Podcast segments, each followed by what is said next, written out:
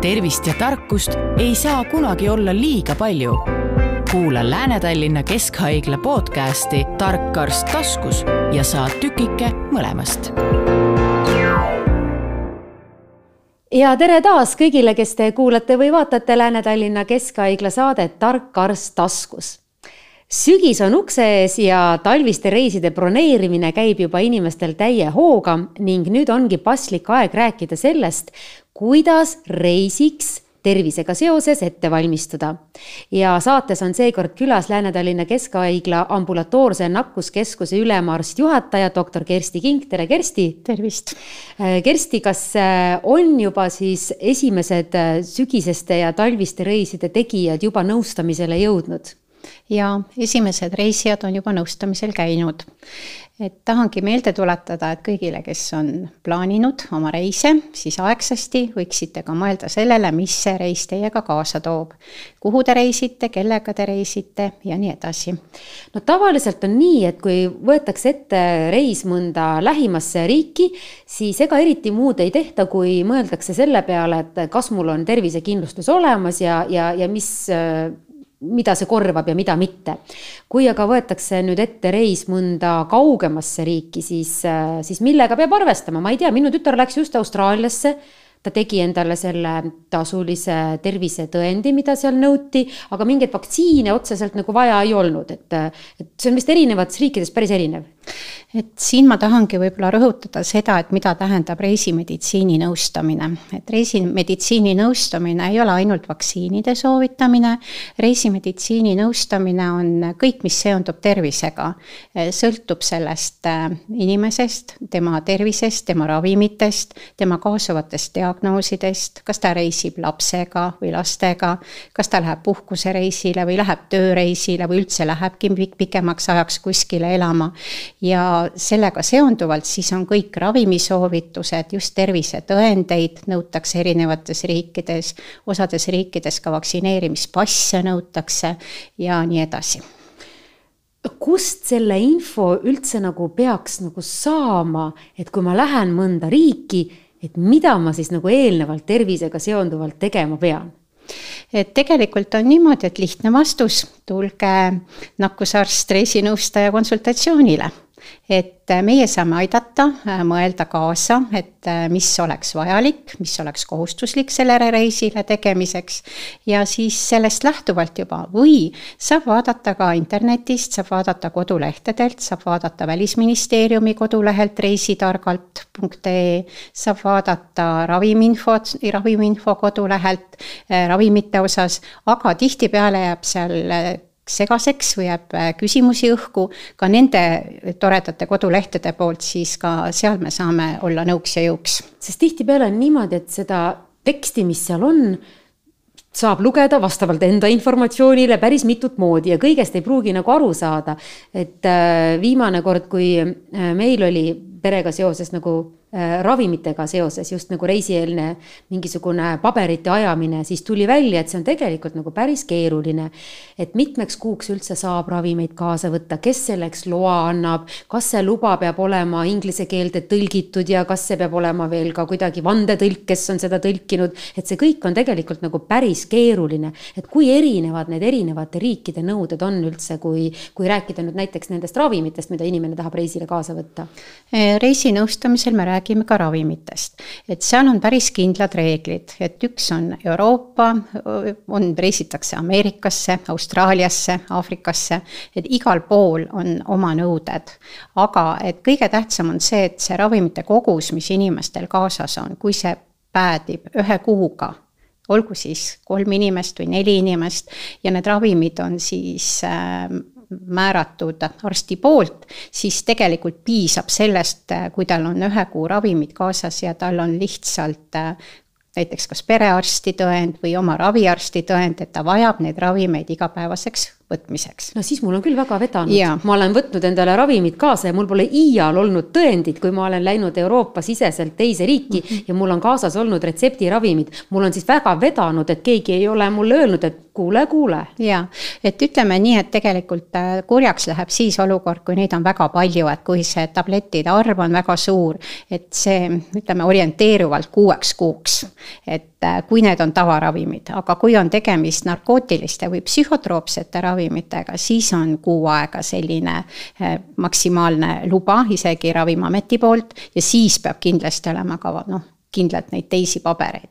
aga kui ma räägin nagusarstina oma patsientidest, siis me tihtipeale anname kaasa tõendi, mis on haigla siis poolt kinnitatud, et ta vajab neid ravimeid oma igapäevases elus et ka selline tõend on olemas. aga alati tasub rääkida siis oma perearstiga, oma raviarstiga, kes siis aitab vaadata, kuhu see ravim klassifitseerub mm. -hmm. sest tihtipeale tegelikult inimesed ju ise ei tea, et kas mu ravim on lihtsalt või ta on mingi psühhotroopne ravim mm -hmm. või. just just, et siis Mis ongi. ja, et kas ta et kuhu, kuhu lähevad äh,, on ka erinevad äh, stressiravimid, ehk siis äh, on erinevad unerohud, eks ju, et see, see kõik sõltub no,. tänapäeval ja, inimesed ju mm -hmm. antidepressante tarvitavad massiliselt, ütleme, kui sa lähed teise riiki ja sul on äh, kas ärevushäire või depressiooniravimid mm -hmm. kaasas, kas nende puhul on ka mingisugust luba vaja?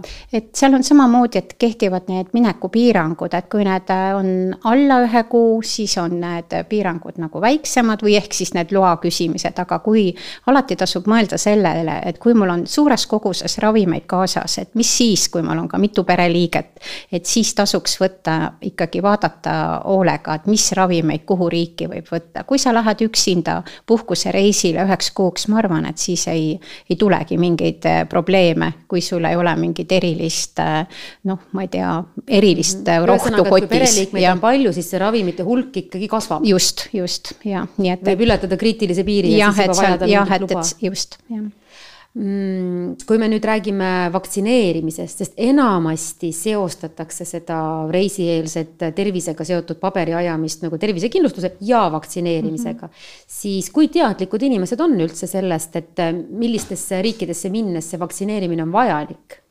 Tegelikult on niimoodi, et ongi nii, et täpselt õige, et kuhu on vajalik ja kuhu on kohustuslik. et need on kaks erinevat asja.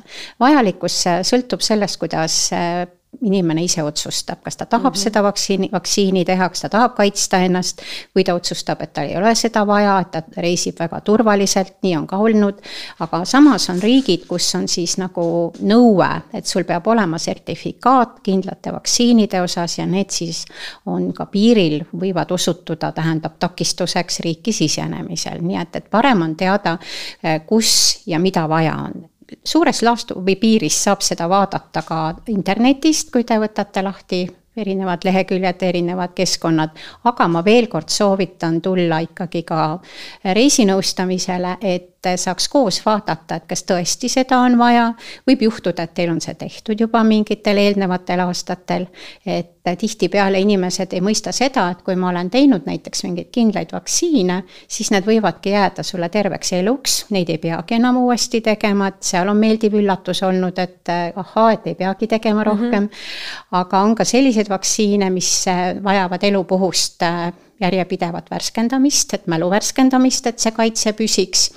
ja on siis selliseid vaktsiine, mida tehakse ainult kindlatel äh, näidustustel ja kindlatel reisi eesmärkidel, nii et alati kogu see pakett, kui te võtate näiteks lahti Keenia ja vaatate, ohoo, kui palju vaktsiine ma peaks tegema, siis tegelikult ei olegi neid kõiki vaja antud juhul teha, kui selgub reisi sihtmärk, et miks te reisile lähete ja kuhu te lähete mõnikord on vist nii ka, et sa mõtled, et ostaks selle viimase hetke reisi ja siis tuleb välja, et sa oleks pidanud juba ammu-ammu vaktsineerimisega alustama, sa ei saagi minna sinna viimase hetke reisile, kui sa ei ole kursis sellega, et sul on need vaktsiinid tegemata.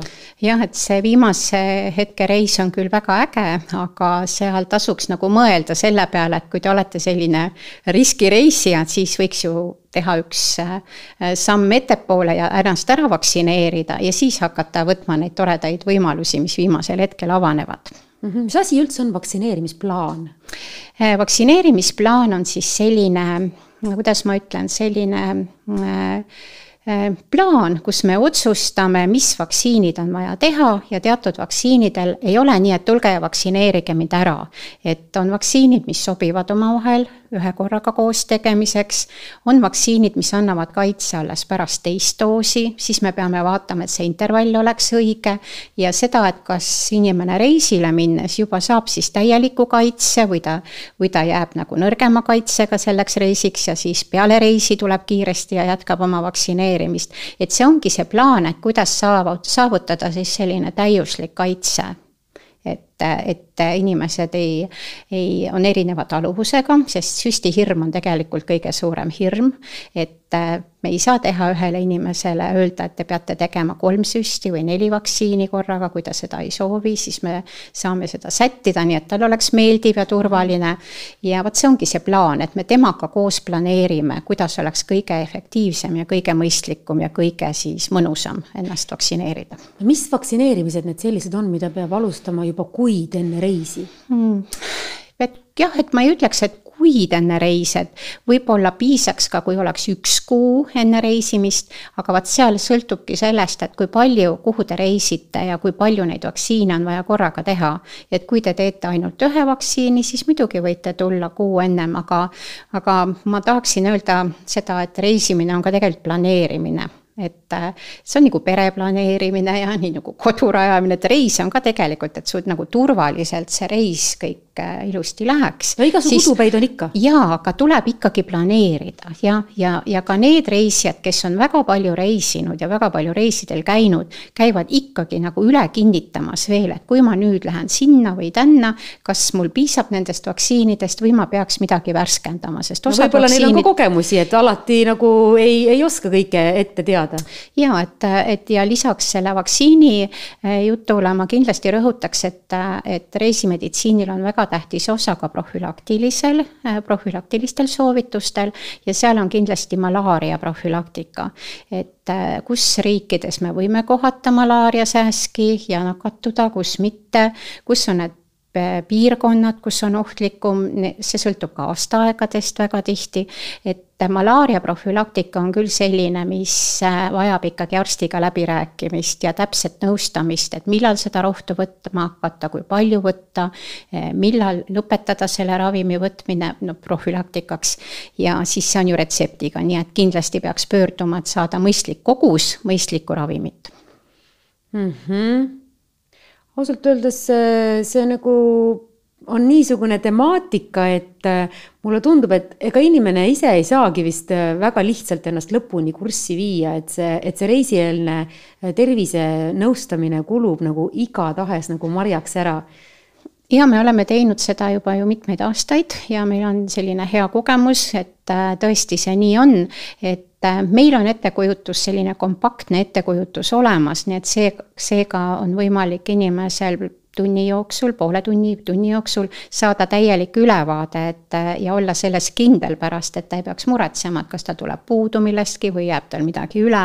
et seda kõike arstiga koos, reisimeditsiini arstiga koos nõustades, ma arvan, on kõige, kõige turvalisem, et aga natukene toome mõned näited, et millised riigid näiteks need on, kuhu on kindlasti malaaria vastu vaja ennast enne kaitsta? Äh, tähendab, et see malaaria vastu siis hakkab siis see kaitse peale siis, kui ta läheb sinna riiki ja neid tablette siis võetakse.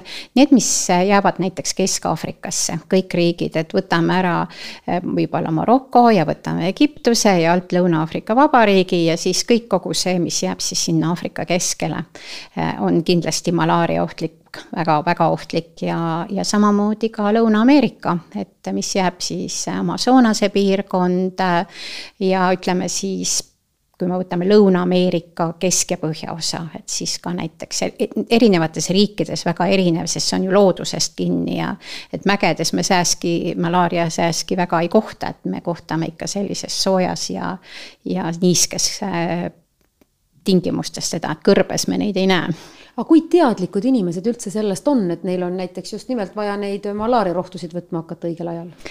Et nii ja naa, et on ju olnud ka selliseid äh, juhtumeid, et on väga äh, muljetavaldavate reisiekspertidega olnud sõnelust, et mulle malaaria külge ei hakka ja ma olen nii palju juba reisinud sinna piirkonda, milles võib oma tõetera olla, sest tegelikult need inimesed, kes seal kohapeal elavad, ongi teatud mõtted imu-, teatud mõttes immuunsed mõnede haiguste mm -hmm. suhtes. kui mõne väikse sutsu saad, siis kujuneb vaikselt immuunsus välja, jah? ja, aga ikkagi, et kui läheb inimene teisest riigist, riigist ja sa pidevalt seal riigis ikkagi ei ela, siis ikkagi on äh, oht, et sa võid malaariasse nakatuda. ja seda siis siin äh, on ka näidanud, et inimesed, kes ei ole käinud nõustamisel ja ei ole võtnud malaaria profülaktikat, on jäänud haigeks. aga need, kes ikkagi võtavad, nii nagu neile on ette kirjutatud, tegelikult saavad ära hoida selle raske haiguse no millised need malaaria tunnused on, et mis, millega nüüd hirmutada neid inimesi, kes mõtlevad, et aga mulle nagunii külge ei hakka? nojah, et malaaria puhul oleneb, kui kaua ta seal reisil on, et võib vedada, et ta võib ka koju jõuda ilusti. ja tekib siis selline gripilaadne haigestumine, et täpselt ei saagi aru, väga kõrged palavikud, tekivad lihas- ja liigesvalud ja see pigem noh, tekib selline teatud nimet-, noh, teatud seisund siis, äh, kus see palavik võib käia selliste tsüklitena, et näiteks üks päev on ja teine päev on palavikuvaba, jälle üks päev on, teine päev on palavikuvaba. et siis on nagu lihtsam mõelda ka arstil seda, et jaa, et ta käis reisil ja vaat niisugune huvitav tsükliline palavik. aga võib sattuda ka see, et ta tuleb reisilt tagasi ja näiteks satub gripihooaega et on väga raske siis diferentsida, kas on tavaline gripp, mis, äh, mis on, äh, ütleme, lihtsamini ravitav, aga võib juhtuda, et on ka malaaria ja võib juhtuda, et see õige diagnoosimise aeg jääb hiljaks mm. -hmm. no kui inimene on teinud äh, endale vaktsiini enne reisi, siis äh, millisel kujul ta selle dokumendi äh, kaasa saab, et tal on see tehtud, et kas see on tänapäeval juba ainult elektrooniline või sa pead mingisugust paberit kaasas kandma, kuidas see käib? tegelikult on see veel päris arhailine, et need riigid, mis nõuavad teatud sertifikaati, siis tahavadki seda kena kollast passi, see vaktsiinipass on kollast värvi ja siis nimetataksegi seda kollaseks passiks. ja seal äh, passis on siis teatud äh, leheküljed, mis on sertifikaadile määratud ja see tuleb siis korrektselt ära täita ja seda siis nad äh, tahavad visuaalis näha, nii et need on teatud riigid ja siis ongi tegelikult seesama kollane pass on siis koos selle sertifikaadiga, mis siis on mitte tavaline vaktsiinirida, aga kus on kirjutatud, mis vaktsiin, mis haiguse vastu, et see on kindlasti tehtud tehtud teate, inimesed kaotavad ju kõike, passe ja ID-kaarte ja nad kaotavad neid vaktsiinipasse ka. kas kuskil on mingisugune info alles ka selle kohta, et kas seda vaktsiinipassi saab ka nagu taastada, ütleme, et sa kunagi ammu oled käinud reisil, midagi sulle on tehtud, täpselt sa ei mäleta, mida, see vaktsiinipass on veel kadunud ka takkapihta, mis siis saab, nüüd tahaks jälle reisile minna? ja et äh, on olemas nüüd meil selline digi-, digitaalne immuniseerimispass, aga ma ei ole kindel, kui paljud äh, asutused sinna on äh, saatnud andmeid, andmeid ja millal nad alustasid, et meie oleme alustanud seda kahe tuhande seitsmendast aastast, nii et meil on päris äh, muljetavaldav see, et nii et kui ütleme viimase viieteistkümne aasta jooksul. siis on andmed alles. et siis on andmed alles, noh nüüd peaksid tegelikult kõik sisestama jah, need vaktsiinid sinna pilve peale ja kui juhtub juhtub, et pass läheb kaduma, mis tõesti ei ole haruldus või läheb nii koledaks, et sa ei taha teda enam kaasa võtta lihtsalt, siis on võimalik tulla ja teha siis äh, duplikaat mm. -hmm. kui ma olen mingisuguse sihtkoha, riigi, maa endale välja valinud, et kuhu ma lähen nagu reisile, et nagu kus need esmased kohad on, kust ma saan teada, et äh, milliseid vaktsiine on vaja, et kas nagu mm, kas on selline koht ka, kus on kõik kirjas? et äh, ma ei oska nüüd nii öelda, kas on kõik kirjas, et, et nii nagu ma ütlesingi, et seda saab vaadata nagu sellistest erinevatelt äh, lehekülgedelt. ja vaktsiini osa võib-olla on ka Terviseameti kodulehel selline võimalus, kus sa saad vaadata riigid ja, ja siis äh, soovituslikud vaktsiinid. kui ma tulen reisimeditsiinilisele nõustamisele, siis ma saan kogu info, kui mul see. jaa Teie saate selle kompaktselt välja võtta? tähendab, meie juba teame, et kuna me aktiivselt igapäevaselt sellega tegeleme, et võib-olla tõesti vahepeal lähme ka natuke rooste, kui mõnda piirkonda vähem reisitakse, siis äh, kuna me oleme teadlikud, kuhu need äh, kliendid sõidavad või patsiendid, kuidas neid nimetada, kliendid, siis me saame vaadata ka ette, kui on vaja, nii et, et selleks ajaks, kui tuleb meile inimene nõustamisele, meil on siis ikkagi täitsa hea ülevaade olemas, mis ta peaks täpselt tegema ja, ja, ja, ja mida, mida kaasa võtma. kas te jagate sellist üldisemat infot ka selle sihtkohariigi osas, et nagu milliseid ettevaatusabinõusid võiks seal nagu laiemas plaanis enda tervise huvides äh, ma ei tea, rakendada kas siis toidu või joogivee suhtes või, või et noh, et lihtsalt, et ei jääks haigeks. ja ikka me vaatame ka võib-olla ain-, siis äh, on ka Maailma Tervishoiuorganisatsioon annab erinevaid äh, hoiatusi välja piirkondade suhtes näiteks, kas kuskil on koolerat, selline väga-väga vana haigus või on kuskil mingi puhang või on, või mida iganes, viiruspuhang või bakteriaalne puhang, siis me ka seda teame, nii et, et me oleme sellega ka juba kursis. ja saame inimest hoiatada, et mida ta, kui näiteks läheb sinna piirkonda, näiteks siin eh, hiljuti läks Prantsuse Guajanasse, mis on siis Lõuna-Ameerikas, et mis ta täpselt seal siis äh, peaks tegema, et tulla tervena tagasi. et kõik söögi koha pealt, joogi koha pealt, anname marutaudi osas nõu, et. Äh, aga mis nõuandeid te annate söögi-joogi koha pealt ja marutaudi osas nagu, kui praktiliselt rääkida? Mhm. et põhiliselt, noh, ma ei saa ju kõike rääkida, mida me räägime, aga ütleme niimoodi, et põhiliselt ikkagi on see, et mis toiduainetega võib-olla olla ettevaatlik, et ikka kõik oleks küpsetatud, et vesi oleks puhas, et äh, kui ei ole ka võimalus pudelivett juua, mida siis teha, et mis kaasa osta täpselt, et mis noh, et aidata ennast näiteks, kes on džunglimatkadel või, või pikematel matkadel, kus ei ole ütleme kuskil mm -hmm. asulat või, või mhm. sellist olemit, et. et kuidas siis käituda ja noh, see on, see on selline, see on pikk teema, jah mm. -hmm. see sinna hulka vist käib see ka, et kuidas, ma ei tea, putukahammustusi vältida, kui üldse võimalik ja mida teha, kui nad on juba hammustanud ja, sest et ma ei tea, meie perel on küll juhtunud, et kui sa kuskil mujal saad putukalt hammustada, siis see nahk reageerib hoopis mm -hmm. teistmoodi. ja et, et me teame ka piirkondi näiteks ütleme, et on eh, Peruus erinevad piirkonnad, kus ongi mingid väiksed putukad ja sääsed. et mis siis soovitada, et mis, mis sääsetõrjevahendeid kasutada, troopilistele sääskedel on omad tõrjevahendid ja kuidas neid pärast siis äh, äh, nagu, kuidas ma ütlen, leevendada. et äh, kas kreemid või suukaudsed või mõnele isegi peab retseptiravimit kirjutama, et kes on teadlik juba, et aga siin Eestis on hästi tundlik äh, erinevatele hammustustele ja see on ka üks teema kindlasti, eriti just ka laste puhul oskate te reisimeditsiini nõustamise käigus nagu jagada selliseid soovitusi ka, et kui inimene on seal sihtkohariigis ja temaga midagi juhtub, et, et kuidas on kõige parem saada seda arstiabi? No see oleneb, see on, see on keeruline, et seda, selles mõttes me ju ei tea, kus ta täpselt on, et kui on ikkagi asustatud punktis, siis on lihtsam, aga jah, et on, on erinevad võimalused, et kui ta on täitsa ütleme X kohas, et siis tegelikult on alati hea tava, kui reisitakse sellistesse piirkondadesse, et sa registreerid oma reisi Välisministeeriumis ja siis sa saad võtta juba ühendust ja läbi Välisministeeriumi kui on mm -hmm. telefoniühendust, et abi saada. seda hädaabinumbrit, mis ja, selles riigis just, on, eks mis, ole. jah, et noh, see ka niimoodi, et aga et kui siis näiteks sealtpoolt abi ei saa, et siis nagu pöörd-, pöörduda kaugelt meie riigi poole mm. -hmm. kui äh, korra veel tulla nende ravimite juurde tagasi, siis äh, kas neid mitteretseptiga ravimeid võib kaasa võtta siis noh, nii nagu endal tunne on või on siin ka mingisugused piirangud? Teate, seal on ka ikka mingid piirangud, et, et ka mingid tablettide arvud on seal kirjas, et aga need on päris suured. et äh, nii nagu ma ennem ka ütlesin. Enda tarbeks. Enda tarbeks kuuks ajaks võid võtta -hmm. täitsa ja parem oleks, kui need tabletid oleksid originaalpakendites. et mitte, et neid ei valata kuskile ühte karpi või, või noh, et need ravimkarbid on toredad asjad.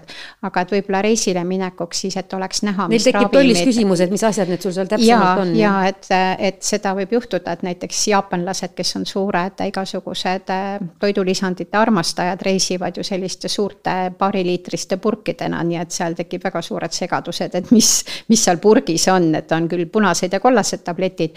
aga et parem on jah, et kui oleks ta originaalpakendis, ükskõik, kas ta on paratsetamool, lihtne valuvaigisti ja palaviku alandaja või siis ta on lihtsalt mingi muu käsimüügiravim, et siis on nagu näha ja on sehkendusi vähem. just, siis kas äh reisile minnes, äh, no kui inimene teeb endale sellise reisi, ma ei tea, ravimite pakikese kaasa, et mis sinna kuuluda võiks? ja sellest ka ma reisil, reisinõustamisel räägin ja ka ar arutame patsiendiga, et vot seal on, või kliendiga, et seal on samamoodi erinevad äh, vajadused, see on inimesepõhiselt, et lähtuvalt sellest, mida ta kasutab, mida ta on harjunud kasutama ja mis tal võiks seal veel vaja minna, siis sellest ka me kõik räägime mm. -hmm. mis need kõige tüüpilisemad küsimused on, kui inimesed tulevad äh, reisi äh, meditsiinilise nõustamise vastuvõtule, et äh, mida nad nagu kõige rohkem tahavad teada? Et äh, tihtipeale on ikkagi nii, et äh, inimesed on hästi hoolivad oma laste suhtes ja kui on reisile minek, siis äh, ikkagi number üks tõstetakse esile lapsed ja uuritakse, kas laste vaktsineerimine on piisav, kas on vaja mingeid lisavaktsiine teha, mis on noh, väga, väga kena kuulda. Ja et mis peaks olema siis laste samamoodi selles reisiapteegis kaasas jah, et kui on tegemist äh, lastega, kellel on kaasuvad haigused, siis seda enam me arutame, kas see vaktsineerimine on mõistlik, kas see on vajalik, kas see on äh, ohutu sellele lapsele, enamuses on nad kõik ohutud ja on üksikuid vaktsiine, mida ei tohi teha. ja siis peame nõu. Ja mõnikord tuleb ka mõelda selle peale, et võib-olla see ei olegi kõige parem reisikoht, kuhu minna. Et need on nagu sellised, mis on äh, hästi, hästi sageli. aga inimesed, kes ise tulevad ja otsustavad, et ma tahan reisida siia-sinna, on ka olnud väga kindlad, et ah, ma tahan nüüd seda, seda vaktsiini ja punkt, et mis siin siis veel on, aga kui me hakkame arutama, siis selgub, et võib-olla neid vaktsiine tal ei olegi vaja just selle reisi jaoks. et võib-olla pigem ta peaks tegema hoopis teistsuguseid vaktsiine või selgub, et tal ei olegi vaja midagi teha, tal on juba kõik tehtud, selline ilus variant võib ka olla Äh, juhul, kui on äh, näiteks äh, välismaale õppima minemas noored inimesed, kuidas siis vaktsineerimisega on? Et siis on lood järgmised, kui on kenasti vaktsineeritud äh, noor inimene, nii nagu meie vaktsiinikalender ette näeb ja võib-olla mõned soovituslikud vaktsiinid veel selle riigi poolt, kuhu ta ülikooli läheb, siis läheb see kiiresti. aga kui on jäänud mingil põhjusel see noor inimene vaktsineerimata. nagu täiesti? nagu täiesti vaktsineerimata või on jäänud vaktsineerimine pooleli, et ta ei ole nagu tehtud see vaktsineerimise teatud tsükkel lõpuni, siis võib juhtuda, et kui ta kandideerib äh, Inglismaal äh, ülikooli või Ameerikas, siis need mõlemad äh, riigid võtavad väga tõsiselt seda, kuna on rahvusvahelised ülikoolid ja nõutakse, et põhjalikku lõpuni tehtud vaktsineerimist, mis tähendab, et difteeria teetanus peab olema kolm korda tehtud, peab olema B-hepatiit tehtud ja need on juba pikad vaktsineerimised, et kõik kokku võib minna kuus kuni kaheksa kuud. Et siis äh, tuleks hakata sügisel selle peale mõtlema, et need noored inimesed ei satuks äh, kevadel suurde stressi, et nende kooli minek sõltub siis sellest, millal nad jõuavad vaktsiinid tehtud. mis tähendab seda, et, et võib juhtuda, et mõningatel noortel tuleb ka need siis lapsepõlves saamata jäänud vaktsiinid nagu järgi teha? just, et need tehakse siis teistmoodi, need ei tehta enam nagu lapsele, vaid tehakse nagu täiskasvanule, aga just põhiliselt see, et kui sa lähed rahvusvahelisse ülikooli, puutud kokku nii paljude erinevate inimestega, siis sa pead tegema sellise skeemi, et sul oleks kaitse. Kui ei ole näiteks alles seda vaktsineerimispassi või inimene üldse ei teagi, kas mul tehti lapsepõlves, need vanemad ka ei mäleta, mis siis saab? no siis on nii, et on võimalik teha teatud analüüsid, et vaadata, kas üldse mingi antikehade tase on veres, aga ma ütlen, et teate, kas on vaktsineeritud, sest see vaktsineerimine on selline järjepidev protsess, et kas mõni süst on jäänud tegemata, seda saab äh, ühe süstina alati kinnitada ja ei ole lugu. et äh, aga kui on jäänud täiesti vaktsineerimata, siis seda vanemad teavad mina nüüd hakkasin omaette mõtlema, et kui mina lähen reisimeditsiinilisele nõustamisele ja olen seal kohapeal, siis mulle väga meeldiks, kui ma saaksin seal kõrvalkabinetis kõik need vaktsiinid kätte. kuidas see tegelikult käib? tegelikult käibki niimoodi. nii ongi, jah? jaa, meie haiglas ongi niimoodi, et kui te tulete nõustamisele, siis teeme selle nõndanimetatud plaani ja te saate samal päeval kohe alustada kümme minutit hiljem. ei pea minema teise polikliinikusse seisma järjekordades. kõrvaluksest lähete sisse ja täpselt sealsamas majas saate vaktsineerida ennast ja kuna te olete juba siis äh, tulnud nõustamisele, siis see vaktsineerimine sõltub siis, äh, see süstide arv sõltub siis sellest, palju siis inimene soovib teha korraga mitu süsti. kui ta ei soovib näiteks ühe vaktsiini haaval ennast kaitsta ja tal on neid rohkem vaja, siis ta saab ka ilusti aja panna järgmisteks kordadeks juba talle sobiva aja ette. kui meil lõpeb ära kõik ühe korraga, siis ta saab sellel samal päeval teha kõik vaktsiinid ära, saab nõustatud ja saab ka retseptid, mis on talle vajalikud reisiks et kõik on praktiliselt teostatav ja väga kaugel sellisest bürokraatlikust äh, jändamisest, et see läheb üpris sujuvalt, kogu see protsess. et äh, tegelikult on oluline lihtsalt see, et ongi vaja eelregistreerimine, et siis ta tulebki oma teatud kellaajal, nii nagu tuleks arsti vastuvõtule, tuleb lihtsalt nõustamisele ja nõustamise lõppedes on meil kõik asjad selged aga kus kohta ennast registreerima peab sellisel juhul? et sellel juhul äh, mina, olles Lääne-Tallinna Keskhaigla äh, ambulatoorses osakonnas, siis soovitangi registreerida ennast Lääne-Tallinna Keskhaigla ambulatoorses nakkuskeskuses ja selleks äh, minge palun kodulehele, seal on telefoninumbrid ja sellele telefoninumbrile helistades saate panna endale täpse sobiva päeva ja kellaaja, valida, mis teile sobib ja mis meil vaba on. Äh, suurepärane, minu meelest oli see väga põhjalik ja asjalik info selle kohta, kuidas enda sügisest äh, kas siis isiklikku või siis perereisi planeerida, et ikka turvaliselt äh, seal sihtkohariigis hakkama saada ja kõik oma, kõik oma seiklused ära nautida. suur tänu äh,, Lääne-Tallinna Keskhaigla ambu-, ambulatoorse nakkuskeskuse ülemarst, juhataja Kersti Kink, aitäh! ja hea kuulaja, mis siis ikka Äh, ole nüüd valmis oma sügiseseks reisiks ja kindlasti käi enne seal nõustamisel ka ära, et siis on kõik kindel ja turvaline. aitäh ja kohtumiseni! aitäh! tervist ja tarkust ei saa kunagi olla liiga palju. kuula Lääne-Tallinna Keskhaigla podcasti Tark arst taskus ja saad tükike mõlemast